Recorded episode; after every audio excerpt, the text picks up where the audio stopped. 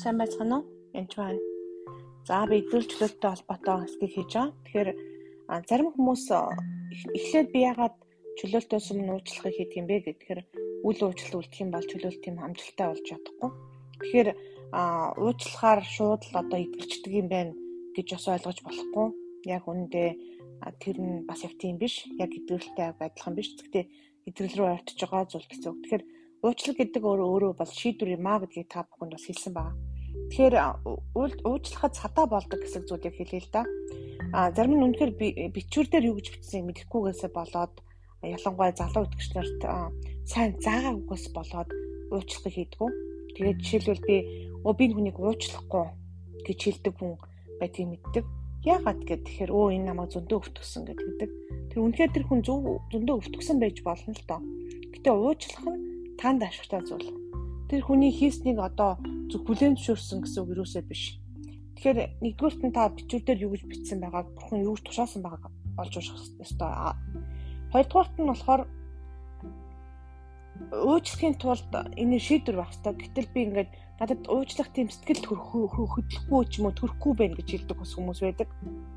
Аа тэгэхээр шийдвэр гэдэг энэ таны одоо сэтгэл хөдлөл уучлмааргүй байсан ч гэсэн зоригтойгоор уучлана гэсэн үг.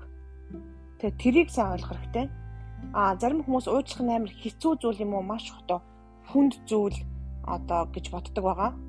А одоо уучлах чинь би чадах уу чадахгүй болов уу ч гэдэг юм уу те. А би I can't би чадахгүй нэ гэдэг. Тэгэхээр бүхний нэгүсэл бол үнэхээр хангалттай зүйл.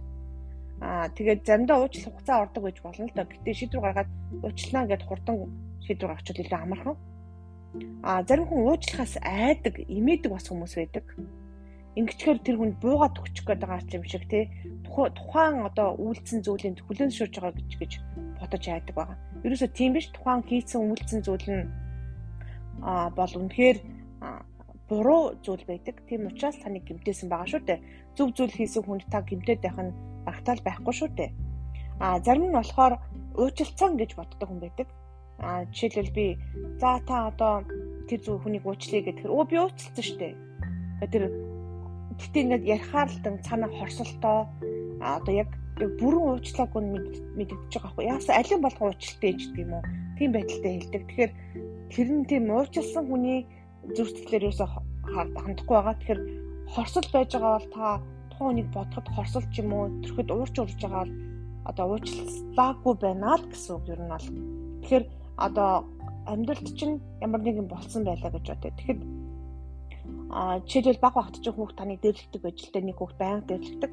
Тэр хүүхдийг бодохдоо уурч үрж гэнэ үү эсвэл за яах вэ гэж бодож гэнэ үү эсвэл одоо тэр хүний би уучлцсан ямар ч асуудал байхгүй гэж хэлж гэнэ үү тэг чи их чухал. Тэгээд зарим хүн болохоор хүч авах гэж нэгсэндээ уучлахгүйгээр нөгөө хүнийг зовоодог гэдэг. Ялангуяа энэ ихнэр нөхөр төр хэрэг болдог л доо. Одоо нэг хүн одоо нөхөр нь ихнийг гараар нь тавьж гэж бодъё.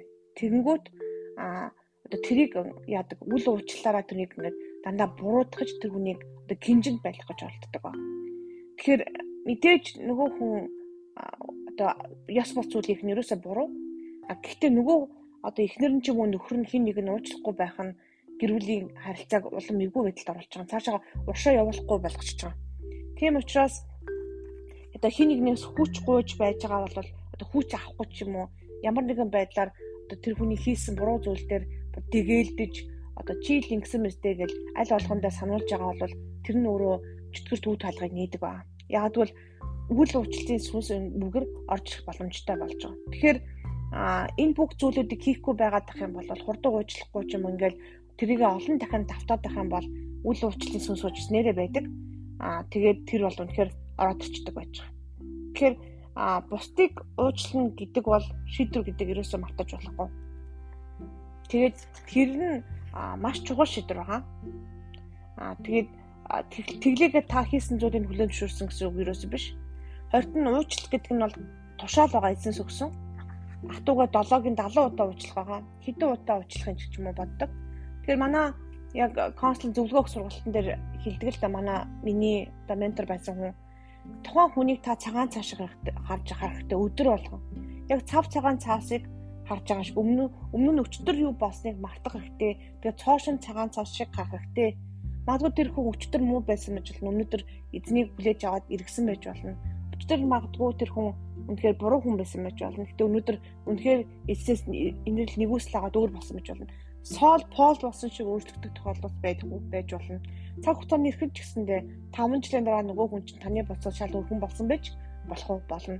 Тийм учраас өдөрт ялангуяа хүүхд дээр ч гэсэн чи одоо даалгавар хийдэггүй хүүхдүүдээ гэж орилгын оронд магадгүй тэр хийдэг болоод өөрчлөлт гэж чармаажж болно. Тэгэхээр аль болох урмын үг өгч дэмжих ёстой гэсэн. Тэгэхээр уучлал гэдэг бол шийдвэр гаргалт шүү. Тэгээд уучлалын талаар яагаад ингэж яриад байгаа юм бэ хугацаа ордог, уучлах хугацаа ордог. Тэгээд хамгийн одоо түрүүнд хийх ёстой зүйл бол уучлалын тухай ойлголтоо сайн мэдэх ёстой, гаргах ёстой. Тэхийн тулд та уучлалын талаар ишлүүдийг бас уншаарай гэж хэлмээр байна. Баярлалаа.